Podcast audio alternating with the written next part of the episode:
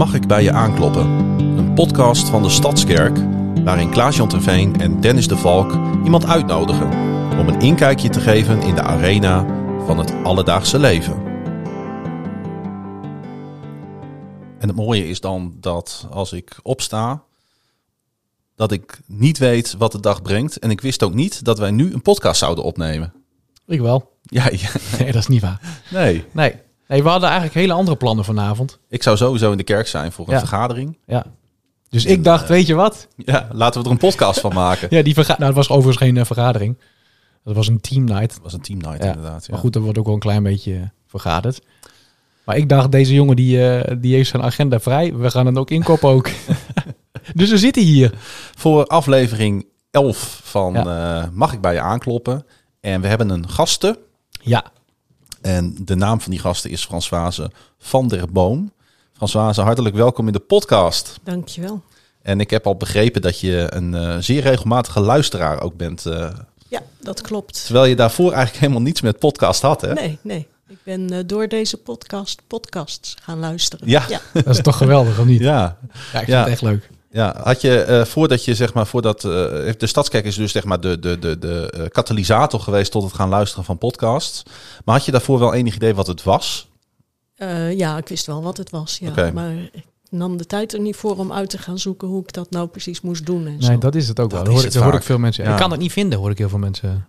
Ja, terwijl wij vanuit onze eigen blik hè, donders goed weten hoe het in elkaar Ja. zit. Ja, zo Maar het moeilijk is is het niet, denk ik. Maar Altijd goed. het gevaar hè, dat je jezelf als meetlat gebruikt eh, in dit soort zaken. Ja. Maar goed dat je ons hebt gevonden. En helemaal fantastisch natuurlijk dat je hier te gast bent. Eh, nou, ik heb al begrepen, je woont eh, in de stad. Klopt. Ik woon wij, samen met Fijke, met mijn man, in uh, Klein Martijn. Helemaal in het uiterste zuiden. Uiterste zuiden van de stad. Ja. Ja, ja. Nou, we gaan eh, straks met jou in gesprek. En eh, Leuk. dat vinden wij ook. Ja, vind ik heel leuk, ja. Over leuk gesproken. Heb je nog wat leuks meegemaakt, Dennis? Nou, ik heb heel veel leuks meegemaakt. Eh, ik heb... eh Je moet zelfs gaan kiezen. Ja, ja, zeker. Ja, ja, ik heb zaterdagochtend een mooie wedstrijd gezien van onze dochter. Dat is toch leuk. Het zonnetje was erbij. Het was wel koud, maar het was eh, een hele mooie ochtend. Zaterdagavond een leuk feest gehad van mensen uit de gemeente die 25 jaar getrouwd waren. Zondagochtend een mooie communityochtend. Dat ook wel een klein beetje een, eh, een, een, ja, hoe zeg je dat, een zwart randje aan. Want ik heb daar afscheid genomen. Omdat ik Hm. natuurlijk eh, een half jaar geleden ben verhuisd. Ga ik nu naar de community Aldaar in Winsum. Ja, natuurlijk. Dat brengt een verhuizing met zich mee. Nou ja, je kunt wel blijven, maar ik denk Ja. dat het beter is voor het gezin om lokaal, lokaal aan te haken. Ja. Maar dat, is, dat was bijzonder. Het was goed om daar even afscheid te nemen. Welke community is dat waar je vandaan komt? Bij hem Zuidwolde, bij hem Oost geloof ik. Beetje, beetje grote community? Ja, nou ja, wat is groot hè? In die zin, eh, ik denk dat we gisteren met eh poeh, 30 volwassenen waren. Nou. En ik denk eh 15, 20 kinderen of zo. Dat is toch een aardige groep Ja. samen. Ja. ja. Ja, het was erg eh, mooi. Erg eh, intiem ook. Ja, dat is. eh, ja, ik, ik, ik heb een beetje moeite met communities. Dat, eh, dat vind ik een beetje lastig. Nou, ik heb, nee, ik heb niet moeite met communities, maar ik ben er eigenlijk nooit. dat is het, ja. Ja, En dan is het net alsof je nu een eh, soort betoog gaat houden tegen communities. Maar dat is het totaal niet. nee, nee, ik vind dat wel eens lastig, omdat ik, eh, ik zit niet zo in dat eh, weekend eh, eh, midweekse ritme. Sterker Nee, nog, je hebt ik, überhaupt werk, geen ritme. ik heb en geen ritme en ik werk in het weekend eigenlijk altijd. Ja, En, nou, zeven dagen in de week ah, werk jij. Ja, oké, dat is waar. maar dat betekent eigenlijk ook dat ik gewoon echt, ja... nou, ik, ik zie wel al die app- appjes voorbij komen in onze groep en dan denk ik wel eens, hè, Ja. ik zou wel wat meer eh, ermee te maken willen hebben. Dus het is ook even een oproep naar mezelf om te kijken of ik daar wat meer tijd voor vrij kan maken. Nu je er zo over begint. eh, sorry, ik spiegel het gelijk aan mezelf. Ja, maar dat is niet moet, erg. moet ik ook niet altijd doen. ja, maar ik begrijp Het het, is jouw moment. Ja. nou, ik ben blij dat ik met mijn momenten met zo weinig inspanning jou weer eh, ja. hè, een soort reflectiemoment kan eh, bieden. Ja, ja, ja. En jij? Zo ga ik toch een beetje door, Heb je filosoferend weer door het leven. ja, precies. Heb jij nog iets leuks meegemaakt? Nou, ik, ehm, wat ik heel leuk vind aan mijn, eh, aan mijn werk is dat ik af en toe op, op onverwachte plekken kom. En ik was afgelopen vrijdag was ik bij ehm, de Venezolaanse eetkraam op de Grote Markt. En eh, ik was eerst, want dat is heel tof. Dat zijn, de- dat is een Groningse, Groningse man. En die heeft een Venezolaanse vrouw eh, opgedoken in Venezuela toen die daar in de vorige eeuw op vakantie was. En die mensen gaan nu het eerste Venezolaanse restaurant van Nederland openen. Prachtig. In Groningen. En wat, wat, voor, wat voor lekkernijen verkopen ze daar? Ja, dat is echt van alles. Eh, eh, eh, dat, dat, is, dat is wel typerend. Het, het gaat van rundvlees tot kip tot vegetarisch. empanadas. En Oh ja. ik was bij die man in het restaurant, wat dus geopend gaat worden over een paar maanden voor een interview. Ja. En toen zei hij van ja, dan moet je nou zo meteen even naar onze kraam op de grote markt. En dan moet je even proeven wat wij Ja. maken. En dat is het voor als ik over horeca schrijf, dan heb ik ook gelijk mijn eten te pakken voor die dag. en eh, dus ik kwam bij die, bij die kraam. en Ik hou wel van een beetje pittig. Dus ik zeg tegen die vrouw, ik zeg, doe maar een broodje pittige kip. Oeps. Ze zegt, weet je het zeker? Ik zeg, ja, ja, ja. Ze zegt, eh, met, ze zegt met chili saus. Ik zeg, nou, Oh, jongen, jongen. ik zeg, laten we dat niet doen. Eh, Nee. Doe maar avocado. eh. ja. Nou, ik heb... Ik, ik, Je stond in de brand. Ik stond... Ja, Ja. swipe me, jong. ja, maar dat vind ik dan wel weer een hele leuke ervaring. Zit ik daar zo'n Hele brood- leuke ervaring. Ja, ja, dan zit ik daar in mijn eentje, zit ik op de grote markt, daar zo'n broodje op te eten, omdat ik erover schrijf. Weet je. Dan Ja. zie ik mezelf eigenlijk zitten. Dan denk ik van, ja, wat heb ik, doe ik ook af en toe wel weer leuke dingen. En ik, ja, dat vind ik, eh, ik vond dat, dat was voor mij wel een leuk moment. En het, leu- en het allerleukste is natuurlijk, en dan publiceer ik dat stuk. En dan is het zaterdagmiddag en dan eh appt die man mij. Hij zei, je wil niet weten hoeveel reacties wij vandaag Ja? hebben gehad. Hoeveel mensen naar ons toe zijn gekomen. Dat artikel hebben gelezen over ons. En daardoor bij ons vandaag voor de kraam stonden. En dat vind ik dan wel weer heel erg leuk om te horen. ja. Ja. Dat is ook een beetje waar je het voor doet. Nou, Dus we mogen het eigenlijk niet over het werk hebben. Nee. Hadden we afgesproken. Maar ik, vond dit, ik vind dit eh, zo'n Ah, leuk aspect zeg maar, van mijn werk. Ja. ik denk van laat ik, want ik heb de vorige keer heb ik ook wel een beetje nou, eh, eh, geuit van dat ik het af en toe wel eens moeilijk heb eh, Mhm. met, eh, met alles wat er met ons journalisten gebeurt. Ja, Ik denk laat ik ook eens een keer de leuke kant van het, Ja. eh, van het werk vertellen. mooi man. Frans Wazen. Ja, ik eh, maak een heleboel hele leuke momenten mee. En, eh, maar wat ik eh, wel wil delen is, het is wel ietsjes langer geleden, maar ik had welkom eh, in de ochtenddienst, bij de diensten. En tijdens de eerste dienst zat ik eh, met mijn man naar, in, de, in de dienst te luisteren. En toen kwam er een mevrouw naar mij toe met een klein jongetje. Die ik bij het welkom ook al had gezien. En dat jongetje wilde niet naar de eh, opvang. Mhm. Maar die wilde in de dienst. En die mevrouw kwam vragen of dat wel mocht. Nou, natuurlijk mag dat. Ja. Dus ik heb haar toen gewezen waar de kleurplaten en zo eh, lagen. En dat jongetje kleurplaten gegeven en, eh, en potloden. En na de dienst stond ik er bij de, in, in de hoek van Matchpoint. Komt dat jongetje naar me toe met een kleur- gekleurde kleurplaat. En daaronder door zijn moeder geschreven: Jezus houdt van je. Nou, dat vond ik zo leuk, zo lief. Ja, Hm. prachtig. ja. Wat leuk zeg. Ja. Ja, heerlijk. Mooi is dat. Ja, dat is. eh, het, het- soms word je verrast op, op momenten dat je dat ook misschien wel helemaal niet verwacht. En dan krijg je Ja. opeens zoiets onder ogen. Ja, Ja. ja. Nee, prachtig. Ja, ik kom ik weer aan met. Soms, ja, misschien moeten wij het af en toe ook gewoon even wat Ik ben er ook een beetje stil van hoor. Sorry, Ja, ik ook. weer, eh, Dat, dat is, eigenlijk, Ja. is dat, eigenlijk zijn dat gewoon kleine kippenvelmomentjes. ja. ja. Nou, ik, heb van, ik heb vanmiddag een parel opgenomen met Arjan. Eh en daar moet ik direct aan denken. En dat was, de titel was Knipoog van God. Nou, dit is ook een knipoog Ja, dus- van God. Ja, Mm, ja. ja. Ja, dat Mooi. is mooi omschreven inderdaad. We gaan Bijbel lezen. Deze aflevering, de tekst van Klaas Jan. Richteren 10, vers 11 tot en met 16. Maar de Heer antwoordde: Ik heb jullie toch gered van de Egyptenaren, de Amorieten en de Ammonieten, en van de Filistijnen, de Sidoniërs, de Amalekieten en de Maonieten. En ik heb dit niet geoefend. Elke keer als jullie, elke keer als jullie mij om hulp riepen, heb ik jullie gered. Toch hebben jullie mij ook steeds weer verlaten. Dan gingen jullie andere goden aanbidden. Daarom zal ik jullie nu niet meer redden. Ga maar naar de goden die jullie uitgekozen hebben. Laten die jullie maar redden als jullie in moeilijkheden zitten. Toen zeiden de Israëlieten tegen de Heer: We hebben verkeerd gedaan. U mag ons daarvoor straffen, maar red ons alstublieft deze, nog deze ene keer. Ze deden hun afgoden weg en dienden de Heer weer. Toen kon hij het niet langer aanzien dat Israël zo verdrukt werd. Richteren 10, vers eh, 11 tot en met eh, 16. En ik zat dit eh, vanmiddag eh, te lezen. En ik kan mij soms kan ik mij wel verplaatsen in, ehm, in de mensen of bepaalde delen uit het Oude Testament.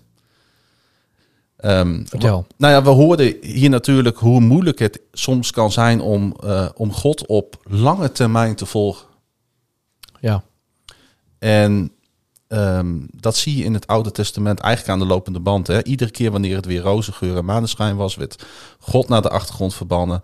Dan moesten ze weer berouw tonen. Dan redde God ze weer. Voor die Dan- ene keer nog. ja, en dan was er weer afwijzing. En dan begon eigenlijk dat hele riedeltje Ja. begon weer van voren af aan.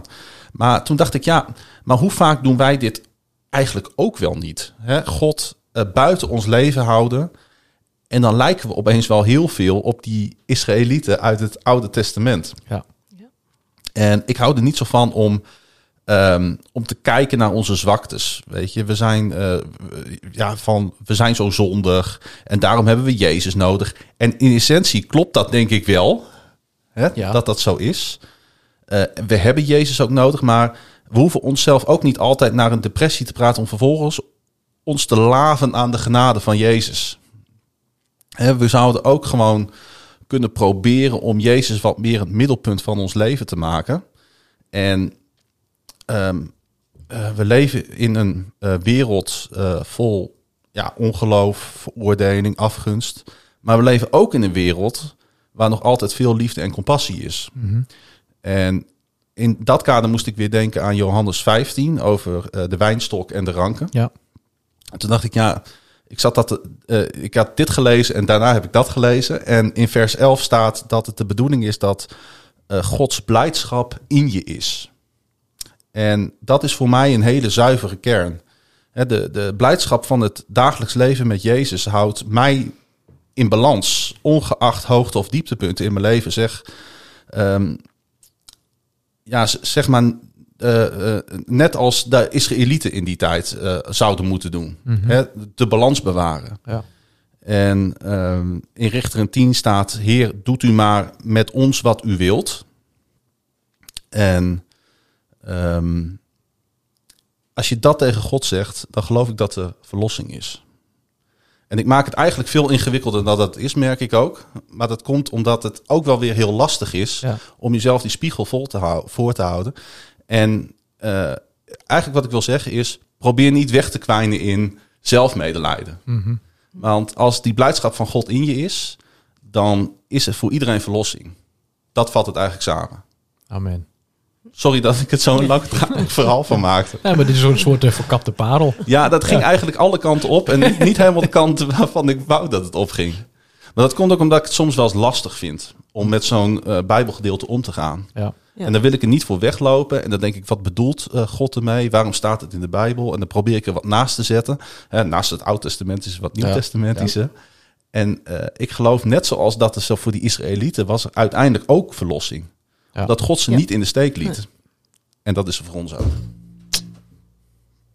Punt. Punt. Frans Wazen. Nou, nogmaals, superleuk dat je er bent. Ja, vind Kun ik je, ook. kun je eens wat over jezelf vertellen? Ja, ik eh, ben Frans Wazen dus. Ik ben eh, uh, 67. Ik eh, ben getrouwd met Fijke. En wij wonen al ruim 25 jaar 25, in de stad. Ja. ja in, op, vinden wij het mooiste plekje van de stad, het mooiste huis van de stad. Door Fijke ontworpen. Een ehm, Prachtig. levensloopbestendig huis waar we kunnen blijven wonen, ook nu we wat ouder zijn. Ja. En ja, we wonen daar met heel veel plezier. Leuk.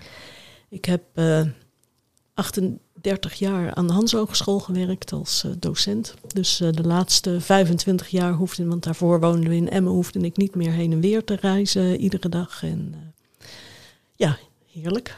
Wat heerlijk, ja. Vertel eens meer over de Hans Hogeschool en die periode. Ik ben daar ooit begonnen bij de opleiding voeding en diëtetiek, waar ik allerlei voedingsvakken gaf en toen al vrij snel naar de opleiding het heette toen toegepaste huishoudwetenschappen, nu facility management. Daar heb ik pakweg de eerste 15 jaar gewerkt, iets, Ja. la- iets langer zelfs. En de laatste jaren sinds 2003 bij een eh, technische school, bij eh, engineering, bij de opleiding Human Technology, wat later eh, industrie, industrieel productontwerpen werd. hele, hele mond Hele vol. mond vol. Ja. Hey, hoe is het om te werken voor zo'n grote organisatie? Eh, nou, geweldig. Ik heb daar altijd echt met heel veel plezier eh, gewerkt. Het is een eh, fijne werkgever. En doordat je de, nu, nu de kleinere schools had, en dat zijn ook faculteiten geweest en opleidingen en afdelingen, het heeft allerlei namen gehad, heb je wel het gevoel van wat kleinschaligheid. Ja, en we hebben het al een beetje over de verleden tijd. Ja. Want ehm, als ik jou zo een beetje tussen de zinnen doorluister, ben je ondertussen met pensioen. Ja, dat klopt. Ik ben eh, anderhalf jaar nu eh, met pensioen. Eh, april 2020 eh, had ik de AOW-gerechtigde leeftijd. en ja, dan houdt het op. Dan houdt het op, ja. Ja. ja. Kun je je nog de dag herinneren dat, dat je ook echt met pensioen was en hoe dat voelde? Ja, want het was eh, natuurlijk een hele gekke tijd om met eh, pensioen te gaan. Want het was midden in de eerste lockdown van de corona-pandemie. Ja. en eh, ik had een maand eh, thuis gewerkt en heel veel digitaal gedaan. Ik zou een afscheid eh, hebben met eh, nou, een feestje erbij. Dat eh, werd een digitaal eh, afscheid, dus Och, dat is ja. ook wel een beetje raar. Ja. En dan, eh, nou, m- Fijk en ik zaten samen achter de computer en eh, ze hadden het hartstikke leuk gedaan hoor. Ze hadden een Mhm. filmpje voor me gemaakt en, eh, en, en allerlei dingen. ja. Maar dan zet je die computer uit en nou, dat was het dan. Dat was het. Ja. En eh, de volgende, daar wa- waren van plan om, dat was de planning, na mijn pensioen zouden we een aantal dagen naar Madrid gaan. En later dat jaar zouden we een cruise maken, maar dat ging allemaal niet door. Nee. Dus ja, dat was even wennen. Zijn, Ja. zijn die plannen inmiddels eh, uitgesteld en komen die in zicht? Of is daar al iets van verwezenlijkt? Of... Nee, nog niet. We, Nee. we gaan wel eh, nog een keer naar Madrid. Eh, het is, eh Fijk heeft daar als kind gewoond, dus eh, het is Oh, ook een beetje kijk, teruggaan voor Ja. hem. Dus dat komt wel. En die cruise komt vast ook nog wel een keer. En ook wel Ja. allerlei andere dingen. Ja, hoor. precies. Tijd zat. Ja. Je bent ook lid eh, hier eh, bij de Stadskerk. Ja. Van de Stadskerk eh, moet ik dan eh, eigenlijk zeggen. Ja, Eh, hoe lang al?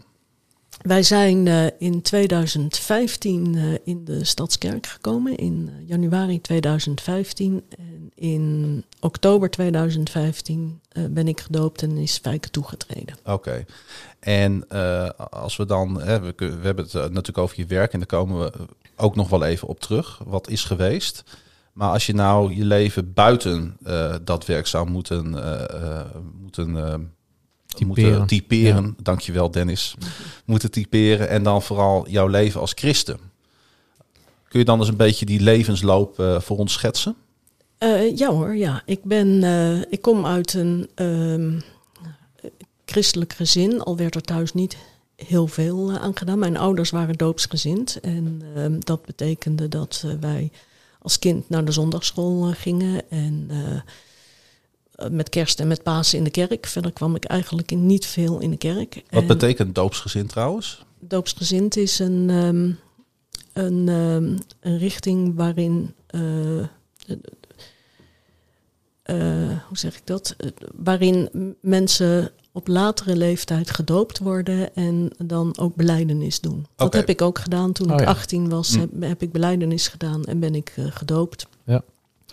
Ja, en toen stond mijn christelijk leven op een vrij laag pitje. Maar toen ik uh, ontmoette, die was uh, toen gereformeerd. En um, wat wij allebei heel belangrijk vinden, is dat we samen naar de kerk gaan. En niet één naar de een Nee, en de ander nee. ergens anders naartoe. Dus toen ben ik uh, naar de gereformeerde kerk uh, overgegaan. En uh, ja, daar zijn wij eigenlijk altijd uh, actief geweest. Tot uh, eerst in Emmen en later in uh, Groningen en in Haren. Mm-hmm.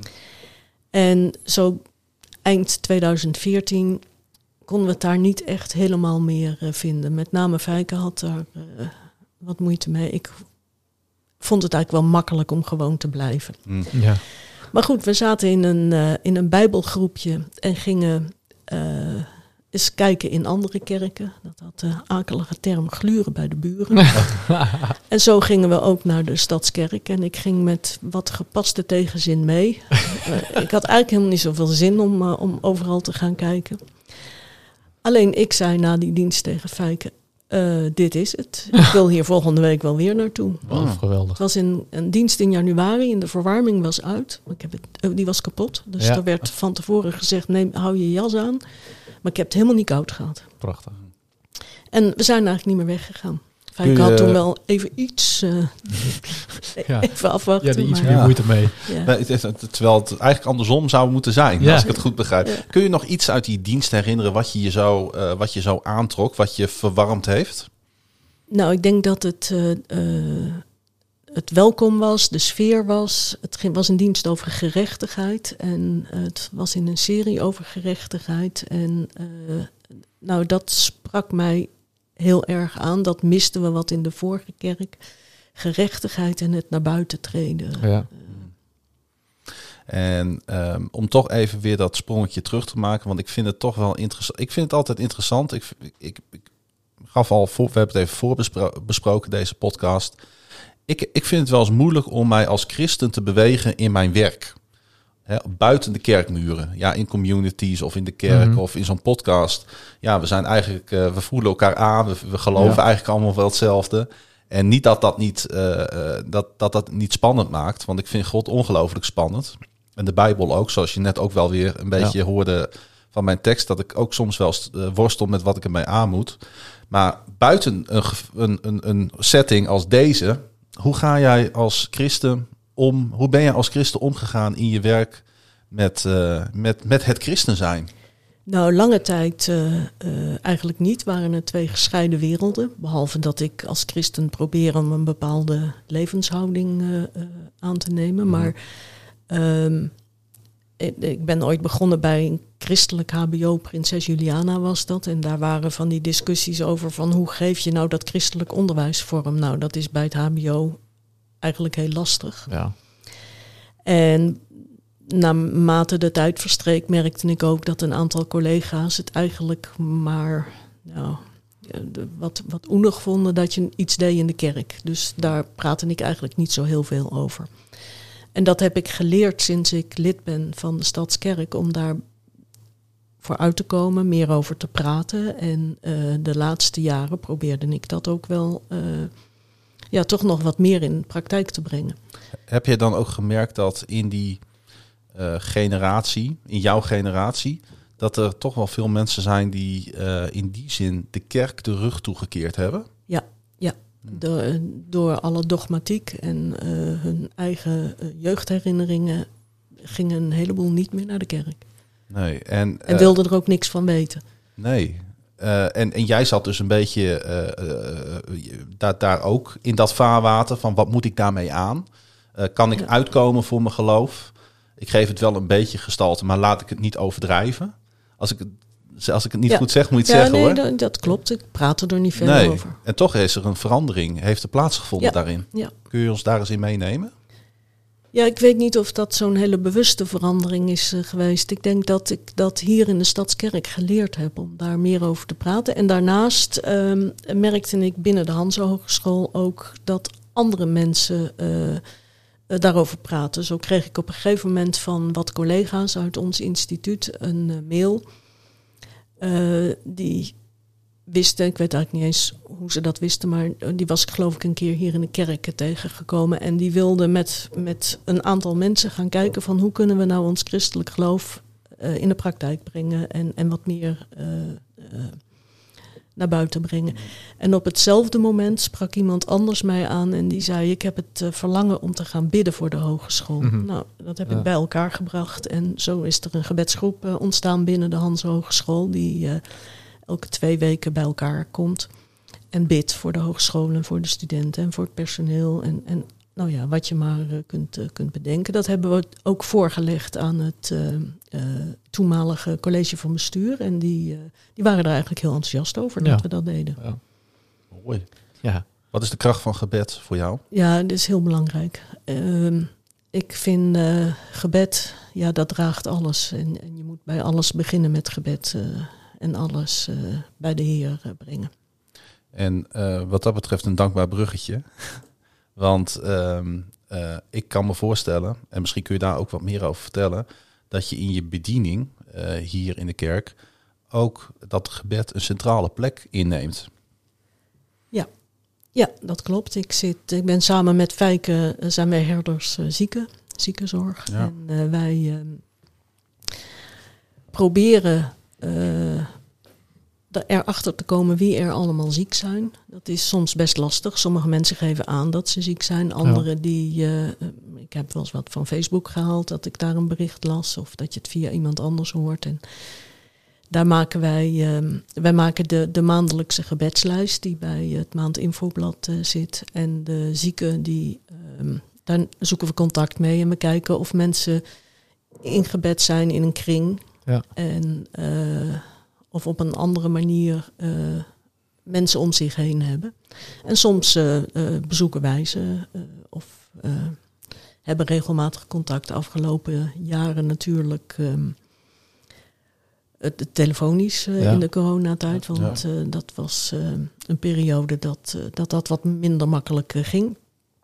En daarvoor eh, deed Fijke meer dan ik hoor. Want die had meer tijd om eh, bezoeken af te leggen dan, eh, dan ik, eh, omdat ik toen nog werkte. Ja.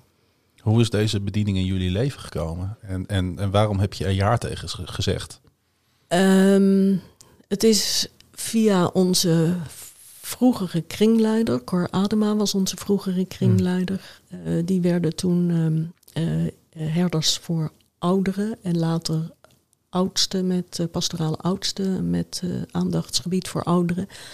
En die hebben gevraagd of wij dit eh, op wilden pakken. En ja, daar hebben we ja tegen gezegd, omdat we dat heel belangrijk vinden. Ja. Mensen die ziek zijn, dat daar aandacht voor is. En dan kom je erachter dat ziekte niet alleen ouderen treft. Nee, dat, dat, klopt, ja. Ja, hoe ga je daarmee om? Ja, ik denk dat we iedere zieke op zich. eh, eh, da- da- daar bidden we voor, daar Ja. eh, zoeken we contact mee. Ja. Hoeveel mensen zijn er ziek? Misschien een rare vraag, maar komt er veel ziekte voor? Ik denk dat er veel meer voorkomt. Als je kijkt Ja. puur naar die lijst die bij de maand infobrief eh, zit, dat, dat, dat kan niet. Dat Nee. dat de, alle zieken zijn in de gemeente. Dat is echt niet mogelijk. Want dat Nee. zijn er maar zo weinig. Ja, dat valt mij ook wel eens op als ik door, inderdaad door die lijst heen ga. Terwijl dat al best een lijst is. Als je, als je Ja. in context ziet van het eh, blad, dan denk je, poeh. Maar er- zijn mensen die zeggen, we willen daar niet op. We willen niet dat de hele gemeente weet dat Nee. we ziek zijn. Hm. Nee. Nee, en dat moeten we natuurlijk ook respecteren. Aan Ja. de andere kant is het wel jammer, want Ja.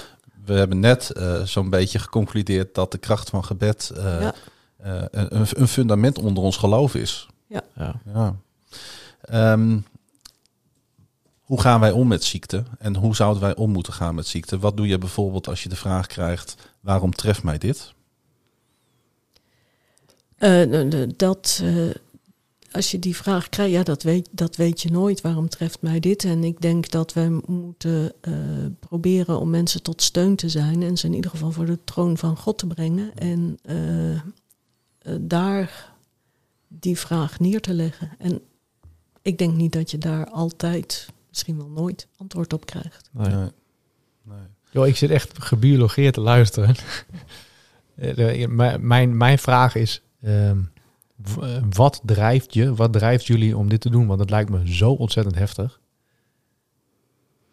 Ik word niet heel erg graag geconfronteerd met ziekte, dus ik denk dat ik me daar ook een beetje voor afkeer, of voor, voor, voor eh, bescherm.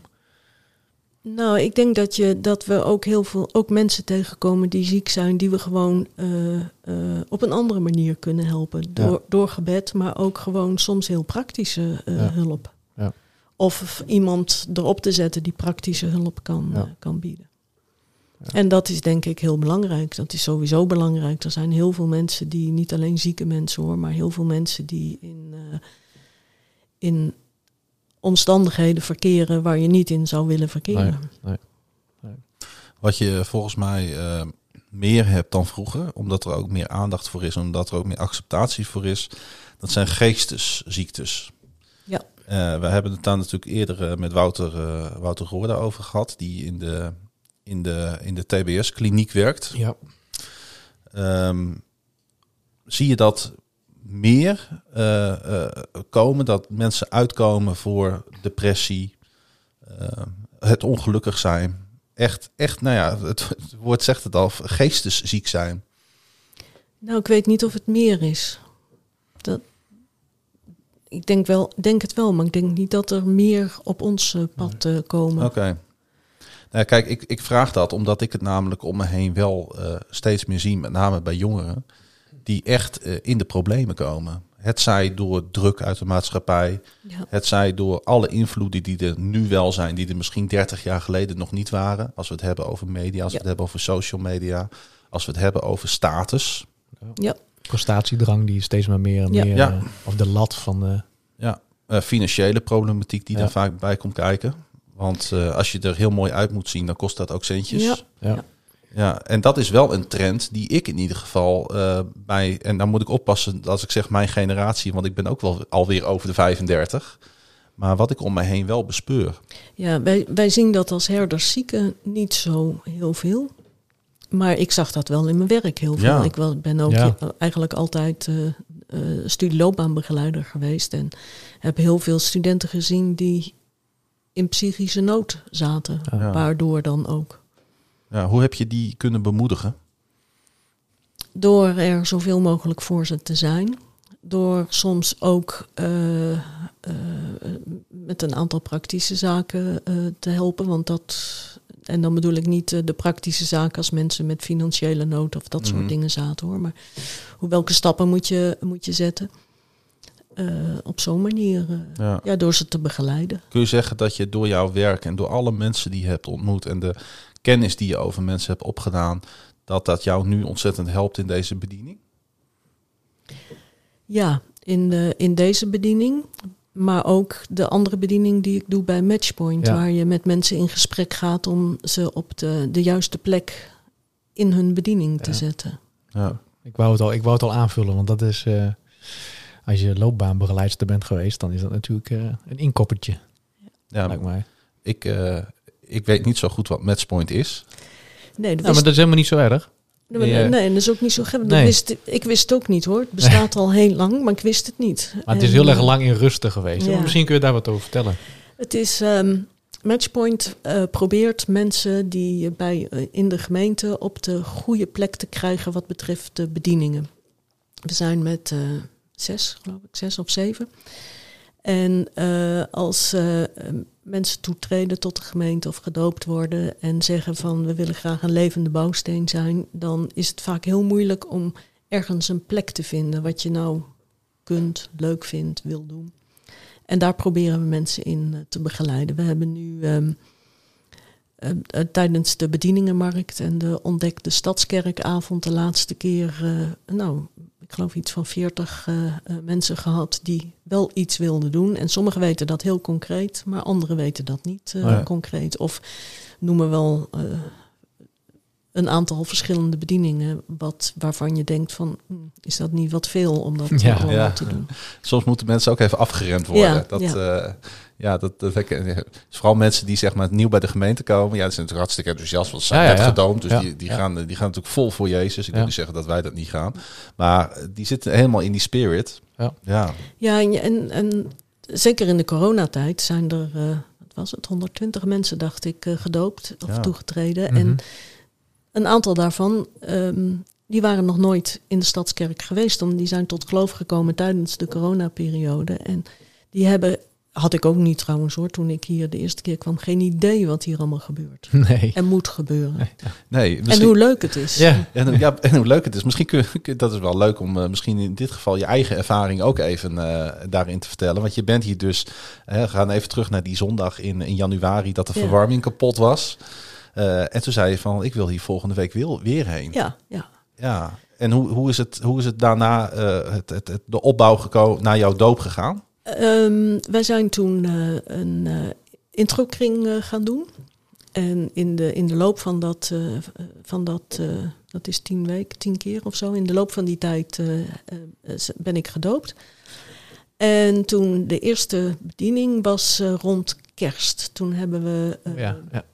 Nee, de eerste was denk ik in de meiweek. Maar wat van die losse dingen. Ik heb een keer gekookt in de meiweek. En met kerst hebben we eh, Fijke bij de BHV en ik bij, de, bij Welkom meegedraaid. En toen ben ik vervolgens bij Welkom gekomen. En zo mijn eerste bediening opgenomen. Nou, in die tijd ging je met de kringen ook nog schoonmaken in de kerk. En ik weet nog de eerste keer dat ik dacht, nou, weet ik niet hoor, schoonmaken, nou ja, toen het moet. maar het was eigenlijk zo leuk. Ja. Dat, ik heb tijdens dat schoonmaken, deed je het altijd met een, een zus uit de kring, eh, maakten wij altijd de toiletten schoon. Nou, ik heb nog nooit zoveel plezier gehad aan het toiletten schoonmaken. Prachtig. Zulke mooie gesprekken ja, gehad. ja, Ja. superleuk. Ja, ik herken dat wel. Vond het ook altijd een uitje. Ja. Heb jij wel schoongemaakt in de kerk? Al? Ja, in de, in de, Stadsparkkerk in de. Stadsparkkerk eh, best wel veel. Ja. Ja, nu maak ik podcasts. Laten we het aan Lekker even klein eh, ophouden. gebouwtje. Het is hier... eh, Nou, dat was ook geen heel Nee, klein gebouw hoor. nee, dat, dat- eh, nee, nee, nee, nee, nee, nee. Ik ben wel, ik ben wel heel blij dat ik dat nog meegemaakt heb, dat gebouw. ja, Het had wel echt. eh, ja, dat, wordt- dat is... eh, ge- absoluut, had ja. een ge- geweldige sfeer had dat. Ja. Ja, Ja. ja en dat het is, ik moet, moet ik altijd weer bedenken dat er alweer heel veel mensen zijn. Die dat eh, helemaal niet kennen, hè? zo- zo- Ja. Jij valt er ook onder, die dat helemaal niet gekend hebben. Nou, ik ken het als gereformeerde kerk. Oh ja, ja, ja. Ja. Ja, ik fiets er nog steeds bijna iedere dag langs. Ja, Want ik woon aan de Paatsvosseweg. Ja, ja, ja, ja. Dus eh, ik kijk altijd wel met een klein beetje weemoed kijk ik naar dat gebouw. En dan denk ik ook, oh, het was dat lekker dichtbij. Ja. dat is, zit ook een stukje ja, weemoed. dat is eh, mooi. ja, Dat snap ik heel goed. zit daarin, eh, ja. Hey, ik ben nog aan het, eh, nog een beetje aan het, ehm, ja, hoe zeg je dat? Aan het verwerken wat je allemaal gezegd hebt. Want ik, ik ben best wel onder de indruk van ehm, jullie stille bediening, zo noem ik het een beetje. Want ik, ehm, nou, wat ik net zei, ik geef het je maar te doen om eh, eh, die lijst bij te houden. Dat is heel praktisch. Maar ook de mensen achter de namen te zien. En ehm, nou, ik, ik denk dat het wel gepast is om, om jou en ook je, je man daar gewoon even tijdens de podcast even voor te bedanken. Want ik denk niet dat daar veel aandacht voor is. En dat hoeft ook niet per se. Eh, maar ik wil je wel daar even in zien. En ook even in eren. Want ik vind dat echt... eh, volgens mij is dat eh, niet, zo heel erg gemakkelijk. En ik, ik denk dat het je gave is. Dat het je talent is. Ehm, en tegelijk koppel ik daar ook dan wel een hele vrijmoedige vraag aan. Wat heb je van de gemeente nodig om jullie daar meer in te ondersteunen? Wat heb je van mij nodig? Want nou, het, is inderdaad een, soms een eenzame bediening. Want het, wij, wij weten niet wie er ziek zijn Nee. allemaal. En eh, we zouden... ni- Niet dat we nou willen dat die lijst eh, enorm Nee. groot wordt, maar we zouden het, het, is, zou zo jammer zijn als mensen ziek zijn en vervolgens niks horen van Nee. de gemeente en alleen eh, dobberen. Dus ehm, we hebben dat geprobeerd via de kringleiders Ja. en kan nu via de communities. om, om in ieder geval te weten wie er ziek zijn, dat we mensen eh, Ja. kunnen benaderen. Maar ik kan me ook wel voorstellen dat het voor mensen die ziek zijn, even losstaan van de, eh, het gesprek of de, de, de, de visie, dat mensen denken, nou, ik wil anderen daar niet mee lastigvallen. Maar dat klinkt misschien een beetje plastisch, maar ik kan me ook voorstellen dat mensen denken van, ah nee, ik, ik ben niet eh, zo ziek dat ik daar op die lijst hoef. Als ik die mensen zo zie met al die enge, met alle Nee. respect, enge ziektes. eh, kijk, ergens, hoe, op welke manier kunnen ze in contact met jullie komen? Is daar ook een, eh, ja, een soort checklist voor? Of is iedereen die Nee, zich hoor. ziek voelt gewoon Iedereen, vrij om ja. jullie te contacten Ja, ja, en eh, het gesprek aan te gaan? En hoe, hoe kunnen mensen dat doen? We, ze, we- ze kunnen ons mailen of bellen. Hebben jullie daar een speciaal mailadres voor? Staat, Nee dat staat op Maand Infoblad, staat, dat weet ik. Maar, Ja, Maand ja. Infoblad en gewoon op onze eigen e-mailadres en telefoonnummer. Weet je wat het is? Ik heb ook heel lang, eh, toen mijn vrouw ziek was, getwijfeld van wat moet ik daarmee? Hm.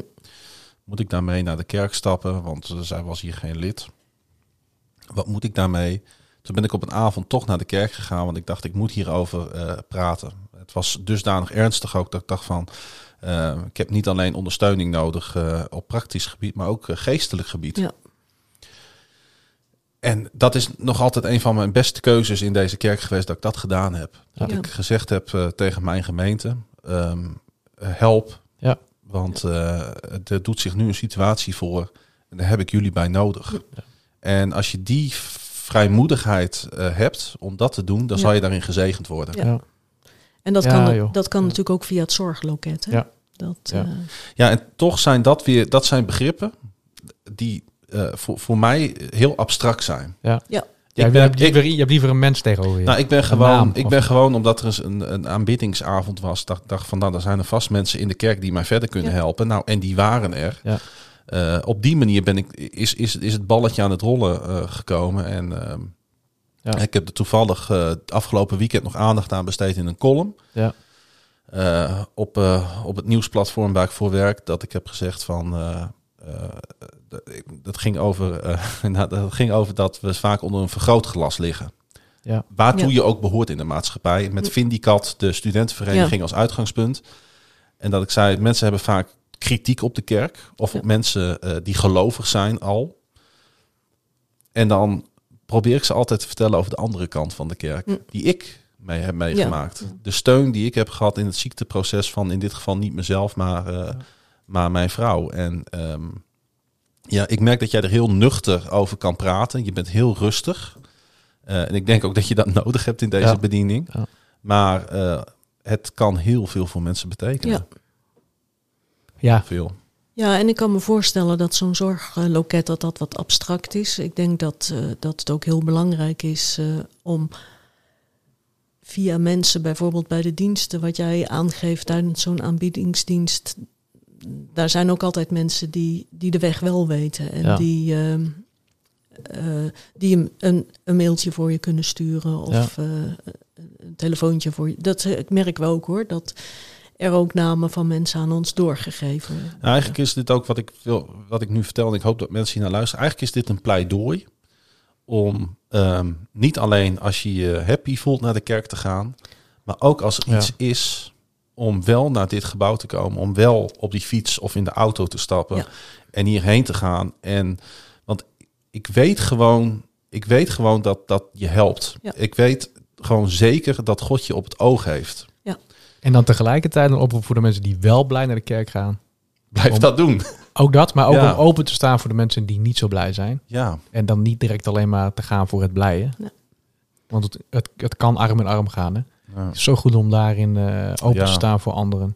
En, en niet alleen eh, naar de kerk, maar ook in je com- community. Hè? Ja, ja. Ja. Eh, en gewoon groups, ook te ja. informeren. Ja. Ik heb nu een paar keer gehad dat ik eh, dacht van... Goh, ik moet eens even vragen. Nou, dan kreeg ik een naam in hoe het daarmee gaat. Of dat, dat je heel erg bij iemand bepaald wordt. Ja. Dat moet je doen altijd. Ja, Ja. Niet denken van, nou, dat vinden ze vast gek dat ik mail of bel of Nee. kom. Vo- Volg je hart daarin. Ja. Ja. Ja, dat is heel belangrijk. Ja. Want ik denk dat God daar heel veel werk in doet. Dat hij Ja. eh, mensen op je pad geeft. Ja. Eh, En ook aan elkaar eh, verbindt op die manier. Ja. Dat geloof ik ook. Ja, dan gaat het uiteindelijk eh, gaat het, eh, gaat het ook weer over die verbinding. Hè? Ja. Ja, dat is mooi. Dat we daarop uitkomen. Absoluut. Ja. Zullen we naar Roelof gaan luisteren? Het is wel echt een heel erg groot contrast, maar ik denk dat het goed is. Ik hou ervan. Hou je een beetje van voetbal, Frans Wazen? Ehm, een heel klein beetje. Ik ben één keer van mijn leven naar een voetbalwedstrijd geweest. En nooit weer. Nou nee, dat, jawel, was heel erg leuk. Oh. FC Groningen ben ik geweest. Ja? Natuurlijk. Met mijn eh, jeugdvriendin, waar ik al 60 jaar mee eh, bevriend ben, zijn Zo, wij ja. naar een wedstrijd geweest, FC Groningen NAC. Een Nou. paar jaar geleden. En dat was wel een, een dilemma, want we komen, we kennen elkaar uit Breda. Oh, oepsie. Ah, ik weet oh. niet meer wie gewonnen nee, heeft. Was nee. het, eh, was het- waarschijnlijk was FC Groningen niet.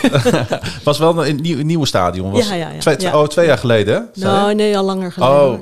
Nou ja, goed. we hebben in het Oosterpark natuurlijk gespeeld, hè? Dus eh, vandaar. Ik denk zeven jaar geleden, want Ah, volgens mij was het voor mijn 60ste verjaardag dat ik een toegangskaartje kreeg Ah, voor een wat leuk. Wat leuk. Maar verder Ja. heb ik bij neefjes en nichtjes langs de Oh, kant ja. eh, Ja. gestaan. Ah, oké. Nou, Roelof die eh, heeft het over voetbal. We gaan luisteren.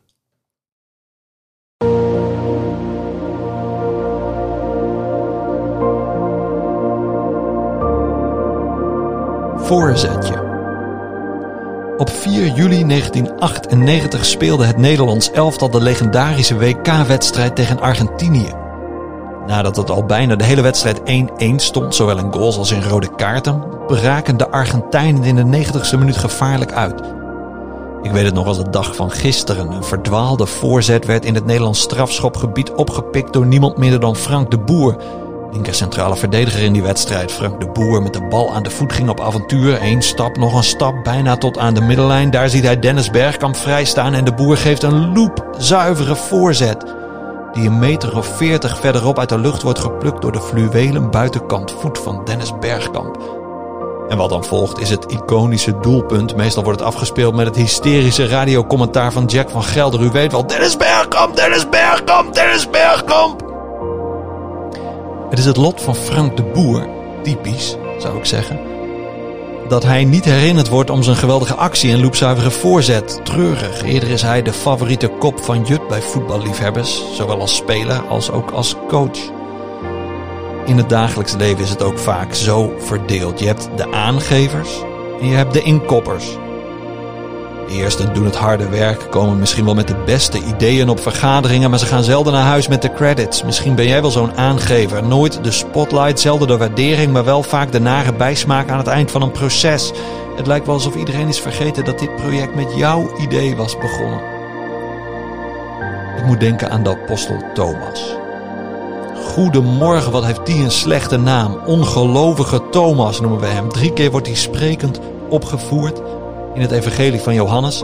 Eerst in Johannes 11 als Jezus toch naar Judea vertrekt, ook al is het daar levensgevaarlijk. Kom op, zegt Thomas dan. Wij gaan met Jezus mee om te sterven. Ongelovig? Twijfelaar? Ik denk het niet. De derde keer dat we hem horen is hij verbitterd, want hij denkt... Jezus is dood, laat me met rust. Ja, vanaf onze kant van het verhaal is het makkelijk om ons hoofd over hem te schudden, maar de tweede keer. Daar vind ik hem het mooist. Jezus spreekt in poëtische volzinnen en iedereen daar maar knikken van we begrijpen het precies. Maar Thomas is degene die de koe bij de horens vat. Hoezo? Wij kennen de weg. Wat bedoel je, Jezus? Welke weg? Waar naartoe dan? En dan zegt Jezus die prachtige woorden: Ik ben de weg, de waarheid en het leven. Bij deze breek ik een lans voor de voorzet van Thomas.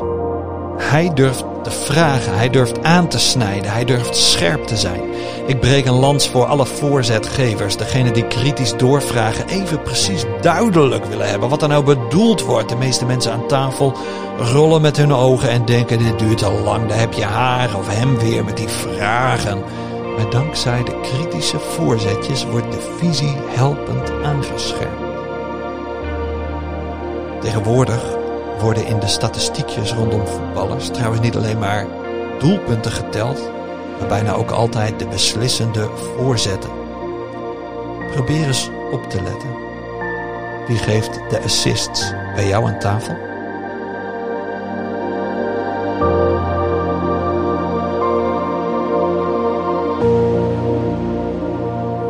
Ja, wij zijn niet zo van in de spotlight staan, hè?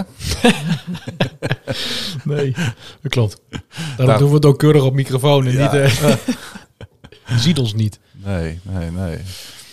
Ja, ik, ik, ik, zit, ik, ik zie nu zeg maar dat doelpunt steeds voor mij. Hè, dat eh, beruchte doelpunt inderdaad eh, in, op het WK in Frankrijk, als Ja. ik me niet vergis. Dat, daar, daar ben ik nooit zo goed in om dat Ja. te. Ik weet het moment nog wel als de dag van gisteren. Ja, ik weet het ook nog heel goed inderdaad. Ik vind alleen de, de, de manier waarop hij kijkt naar Thomas vind ik, echt- vind ik zo briljant. ja, En de manier waarop hij een lans breekt voor de voorzetters. Ja. En wat hij zegt ook, de mensen die kritisch zijn. Ja, ik, eh, doet mij een beetje denken aan mijn werk ook. ja. De mensen die proberen om, eh, om het debat eh, kleur te geven. Om eh, af en toe eh, met durf iets, eh, iets, iets neer willen leggen. ja. En ehm, inderdaad, ja. Ja, we gaan, ik ga hem nog een keer luisteren. Ik moet wel zeggen, ik, ik weet niet of, jij dat ook, of jullie dat ook eh, hebben, of jullie dat herkennen. Ik, ehm, Ik vind het wel moeilijk om ergens een, een soort grens te trekken van wanneer het ehm, nou te zagend is of te kritisch is. Of Mm. wanneer het eh, gewoon goed en eh, opbouwend is. Dat vind ik nog wel eens een lastige. ja. Ook, al- ook als, het om, als, als het om gemeenteleven gaat hoor. Mensen die eh, vaak, er zijn vaak dezelfde die vooraan staan met de kritiek. Dat ik daar soms ook niet zo goed mee om kan gaan. Maar goed, ik, ik eh, moet wel zeggen, eh, bij mij gaan de oogjes wel open. Dat ik denk van nou, geef ze maar eens wat meer ruimte af en toe. ja, het is een spanningsveld. Ja, En dat, da- daar moeten we gewoon eerlijk over zijn. Dat is er. Want, Ja. eh, en daar heb ik het in de... Volgens mij de vorige keer dat ik de tekst mocht uitkiezen, heb ik het daarover gehad. Van in hoe lang laat je iemand, iemand toe in een discussie? Ja. En hoe vaak moet het... Hoe lang moet het duren voordat... Ja, voordat je het ofwel of niet met elkaar eens bent. En hoe ga je daarmee om? En is het opbouwend voor je of juist niet? Is het opbouwend voor de gemeente of niet? En dat is altijd het lastige van een discussie binnen de kerk. Het heeft altijd ook een geestelijke lading. Ja. Ja, dat Kunnen we niet omheen, Nee. willen we ook niet omheen. Nee. En de, wat nog wel als een, als een extra lading is dat je ook altijd wel het doel hebt om het met elkaar eens te zijn. Als je op de werkvloer werkt, dan zeg je nou, weet je, we zijn het gewoon niet eens, maar we moeten gewoon nog eenmaal, we zijn elkaar verbonden, want we werken hier. Hier gaat dat toch altijd nog wat anders. Het hoeft niet altijd, maar het is wel altijd de inslag. Ja. Althans, dat is mijn inslag. Wat ik zeg, ik, ik denk dat ik hem nog een keer ga luisteren en dan kijken of ik nog weer een nieuw inzicht kan krijgen. Ik moet het even verwerken ook nog. eh, Nou ja, je kunt, hem, je kunt deze podcast zo vaak terugluisteren als je wil, ja, dat is goed voor de luistercijfers. Zullen we muziek gaan maken? ja.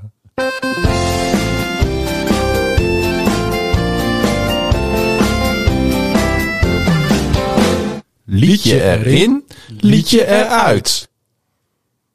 En we beginnen met eh, de gast eh, van deze aflevering, Frans Ja. Wazen. Ehm, allereerst mag je vertellen aan ons en natuurlijk de luisteraar welk eh, lied jij gekozen hebt om in de Spotify-lijst Ja, te zetten. Nou, dat vond ik heel moeilijk, want ik heb eigenlijk een heleboel eh, liedjes die ik wel die ik mooi vind. Een heleboel van die kippenvelmomenten. eh en ik ben heel slecht in het onthouden van eh, titels en Herkenbaar. namen van, van degene die dat dan uitvoeren. Ja. Maar ik heb daar, toen ik hier naartoe fietste, nog over nagedacht. Nee, daarvoor al vanmiddag over nagedacht. En ik heb op dit moment zoveel redenen om dankbaar te zijn. En eh, zo vaak dat ik eh, eh, tegen God zeg, dank u wel, dank u wel. Dat ik bij het liedje kwam 10.000 redenen van dankbaarheid.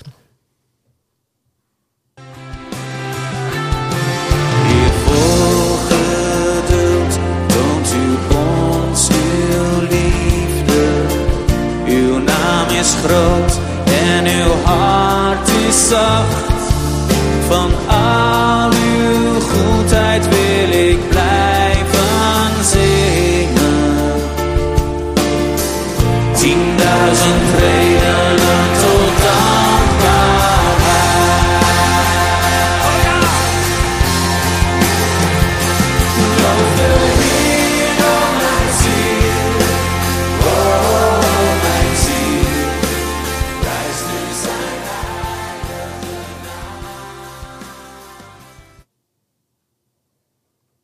Mooi hè? Mooi lied. Ja, Maar daar moet er ook altijd er ook eentje uit. uit. Dat is misschien nog wel moeilijker. Ja. ja. Eh, en eh, ik heb eh, gekozen voor Ain't Nobody van Bakermat. Ja. Bakermat. Ja. Bakermat. ja, ik, vind, ik, heb ook, ik zeg ook heel vaak Bakermat. Ik vind het heel lastig. Maar het is, mij helpt het om te weten dat het een Nederlandse groep is. Dan denk ik, oh ja, Bakermat. Ik vond het wel een lekkere. Ja, Maar hij komt op de complete lijst. ja, ik hou hem in mijn eigen lijst. Snap ik. Goed, Jij ik mag. eh, ben aan de beurt, zie ik in het script. Zo flauw hè, altijd. Ehm, en ik heb eh, weer een nieuw lied gevonden. Wat ik nog niet kende, maar wat ik wel heel tof vond. Waarvoor hulde? Laat maar horen. This will be our song.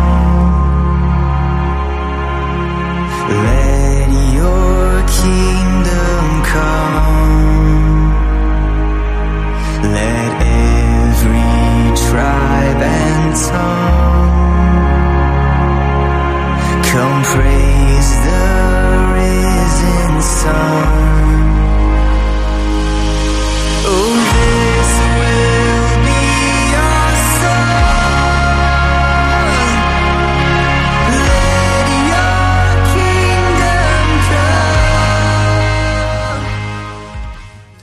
Ja, dit is op ongeveer een minuut of vier in het lied, eh, denk ik. Eh, Er zit een hele opbouw in. En het is net als eh, wat jij laatst hebt gekozen, echt weer zo'n anthem. Ja. Het heet ook Ant- Anthem of Our Souls.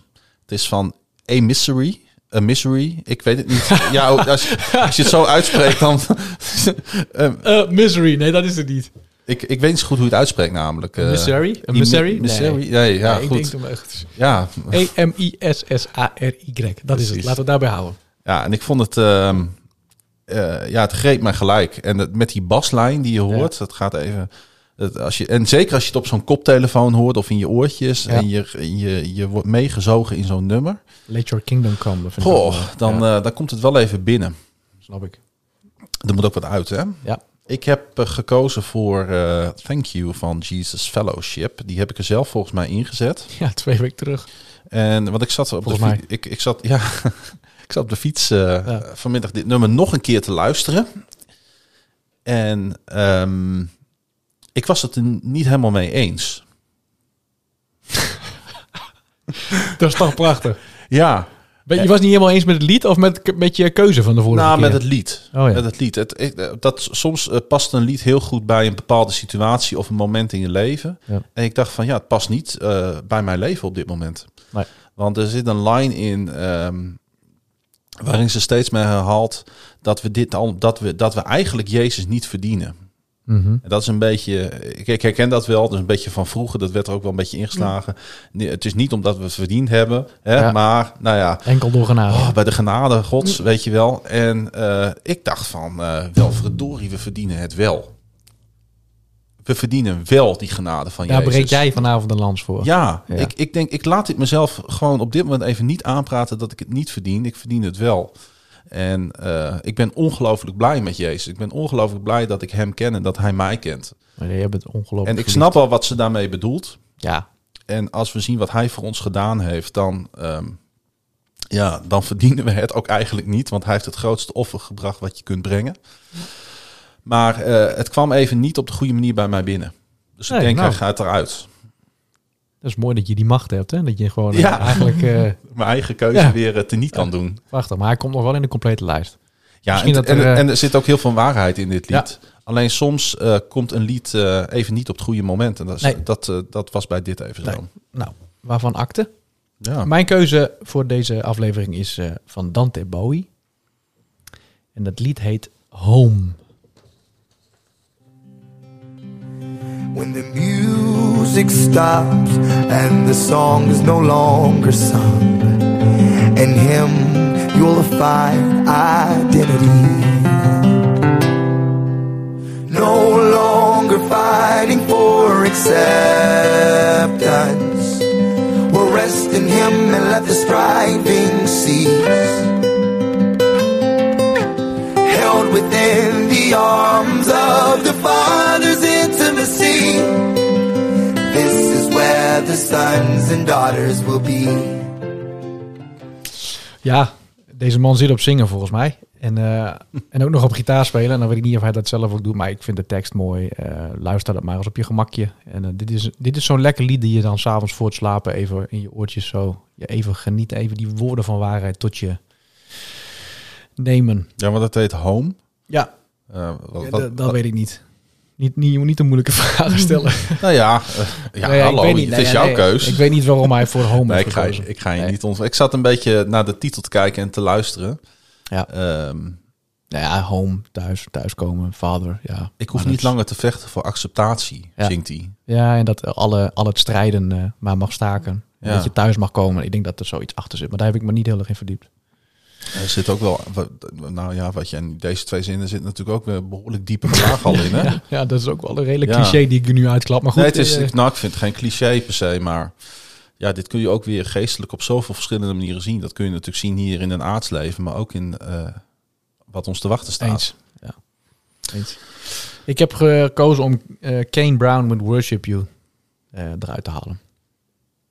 Oké, Vond ik, het is mooi geweest. Hij was leuk, maar eh, sorry Sean Visser, het spijt me. Maar eh, oké. Nou, dan hebben we de lijst weer bijgewerkt. De administratie is gedaan. ja, Ehm Frans Wazen, heb je nog wat eh, toe te voegen aan het gesprek? Wil je nog wat kwijt aan de mensen die eh, naar Mag ik bij je aankloppen luisteren? Nou, ik vond, ik vond het heel leuk om hier te zijn. Ja. Dus dank jullie wel voor de uitnodiging. ja, ik heb ook echt genoten van je verhaal. En ik, eh, nou, ik vond het ook erg leuk dat je er was. Nou, dan gaan we hem afsluiten, ja, eh, Dennis. Ja. En bedank ik jou nogmaals voor jouw komst naar de Stadskerk van Zwazen. En eh, we willen natuurlijk ook jullie bedanken voor het luisteren naar deze podcast van de Stadskerk. Dit was aflevering 11. Heb je nou iemand waaraan je denkt, zijn of haar verhaal wil ik graag horen? Vraagteken. Rijk ons deze gouden tip dan aan door ons te mailen via podcast.destadskerk.nl. Nou, je weet het hè. Over 14 dagen zijn we er weer. Met weer een nieuwe gast aan tafel. En eh, we willen graag meer en meer mensen getuigen laten zijn van de levensverhalen waar ook jij van genoten hebt in deze nu al legendarische podcast. Eh, je mag deze podcast ook delen. Dat kan via Spotify, Google Podcast, Apple Podcast. En ehm, zoals altijd willen wij onze hemelse Vader danken. Hij die was, hij die is en hij die komen zal. En lieve luisteraars, hij komt spoedig. Amen.